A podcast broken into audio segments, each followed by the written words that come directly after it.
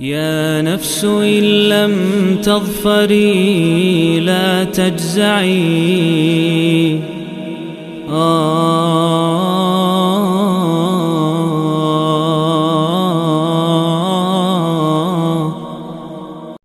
Bismillahirrahmanirrahim Alhamdulillah wassalatu wassalamu ala rasulillahi amma ba'd Ini adalah audio ke-79 dari serial 114 hari Mengkaji surat demi surat secara tafsir ijmali dari Al-Quranul Karim. Dan kita di surat nomor 79 surat An-Nazi'at.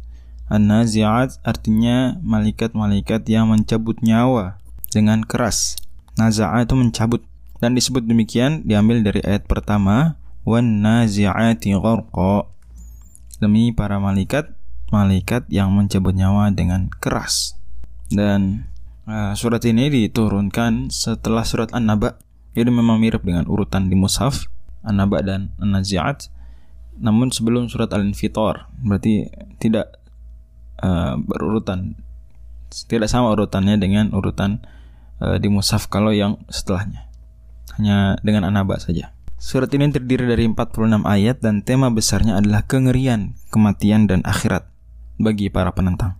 Ngerinya kematian dan akhirat bagi para penentang. Dan itu sudah tercerminkan dari nama suratnya An-Nazi'at, para malaikat yang mencabut nyawa. Ya. Dan ini kita juga bisa lihat di seluruh surat di mana banyak ayat yang mendukung tema besar tadi. Sebut saja di awal-awal surat Allah Subhanahu wa taala sudah buat kita ngeri. Ya, buat kita semakin takut pada Allah Kata Allah setelah ber, bersumpah dengan malaikat-malaikat yang mencabut nyawa dengan keras, kata Allah, "Wan wasabihati sabha, fasabiqati sabqa, falmudabbirati amra." Ya. Allah bersumpah dengan malaikat-malaikat yang lain. Kemudian apa kata Allah? Yauma tarujuf rajifa. Ayat ke-6. Hari, ingatlah hari kalian dibangkitkan hari ketika tiupan pertama ditiup Ar-Rajifah tiupan pertama dan tiupan pertama disebut Ar-Rajifah karena dia menggoncang alam. Tatsba'uha radifah diiringi dengan tiupan yang kedua. Tiupan kedua disebut dengan Ar-Radifah karena dia mengiringi. Radifah yang mengiringi tiupan pertama.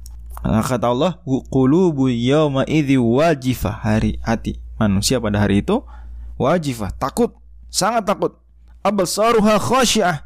Pandangan mereka tunduk yaqulun a inna lamarduduna fil hafir tapi heran heran masih ada saja orang-orang yang ingkar di dunia meremehkan hari tersebut bahkan mengatakan a inna lamarduduna fil hafir apa kita akan dikembalikan lagi ya kepada kehidupan lagi di akhirat kelak seperti yang diklaim si Muhammad ini demikian kata mereka Aidza kunna idzaman nakhir. Apa kita juga akan dibangkitkan lagi, dihidupkan lagi padahal kita sudah menjadi idzaman nakhira, tulang belulang yang hancur lumat?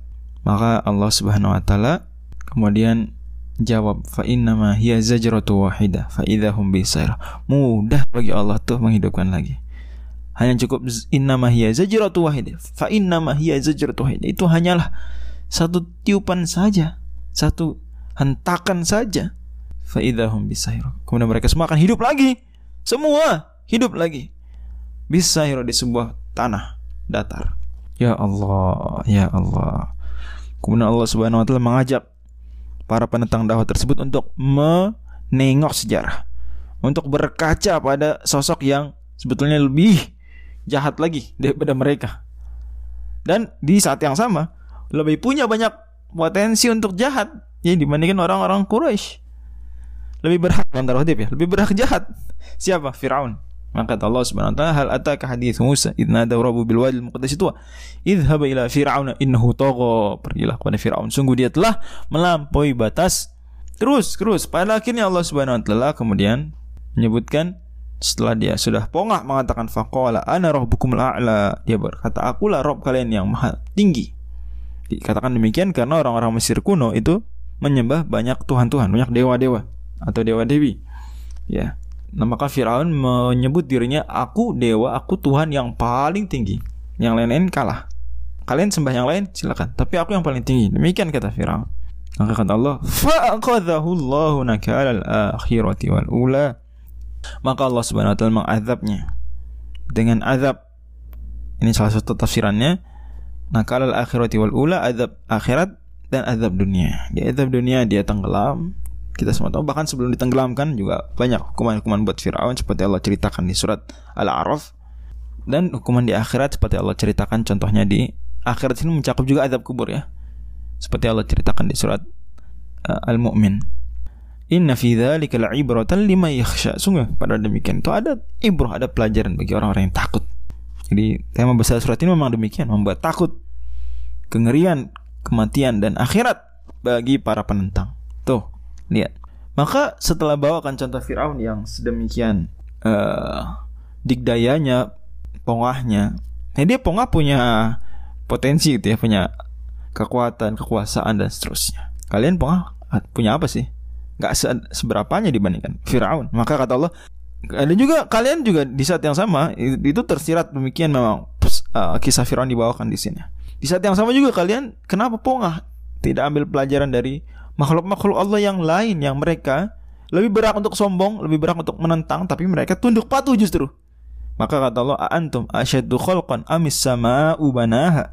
Apa kalian lebih susah ciptaannya? Kalian lebih hebat gitu, lebih kokoh penciptaannya dibandingkan langit? Kalian menganggap kalian lebih hebat dari langit, langit tunduk kalian enggak? Kalian menganggap kalian lebih susah diciptakan dari langit sehingga kalian memustahilkan Allah bisa menciptakan ulang kalian? Ah, maka Allah ceritakan, Allah ceritakan langit, bumi, gunung-gunung, terus. Maka kata Allah, faida ja'ati tom kubra. Kalau sudah datang hari kiamat, malapetaka yang sangat besar itu telah datang. Maka orang akan sadar, eh metadzakirul insanu baru sadar. Sayang, sayang sekali baru sadar. Kalau sudah diingatkan berkali-kali sudah di Kemudian Allah gambarkan kengerian akhirat ya. Waburizatil jahimu liman yaro terus-terus ya. Pembalasan orang yang togo bagaimana? Balasan orang yang uh, menyombongkan diri bagaimana? Maka kata Allah di akhir surat engkau nabi hanya memberi peringatan. Dan mereka akan sadar hidup mereka singkat di dunia seakan-akan hanya hidup di waktu sore saja atau di waktu uh, pagi hari duha. Wallahu a'lam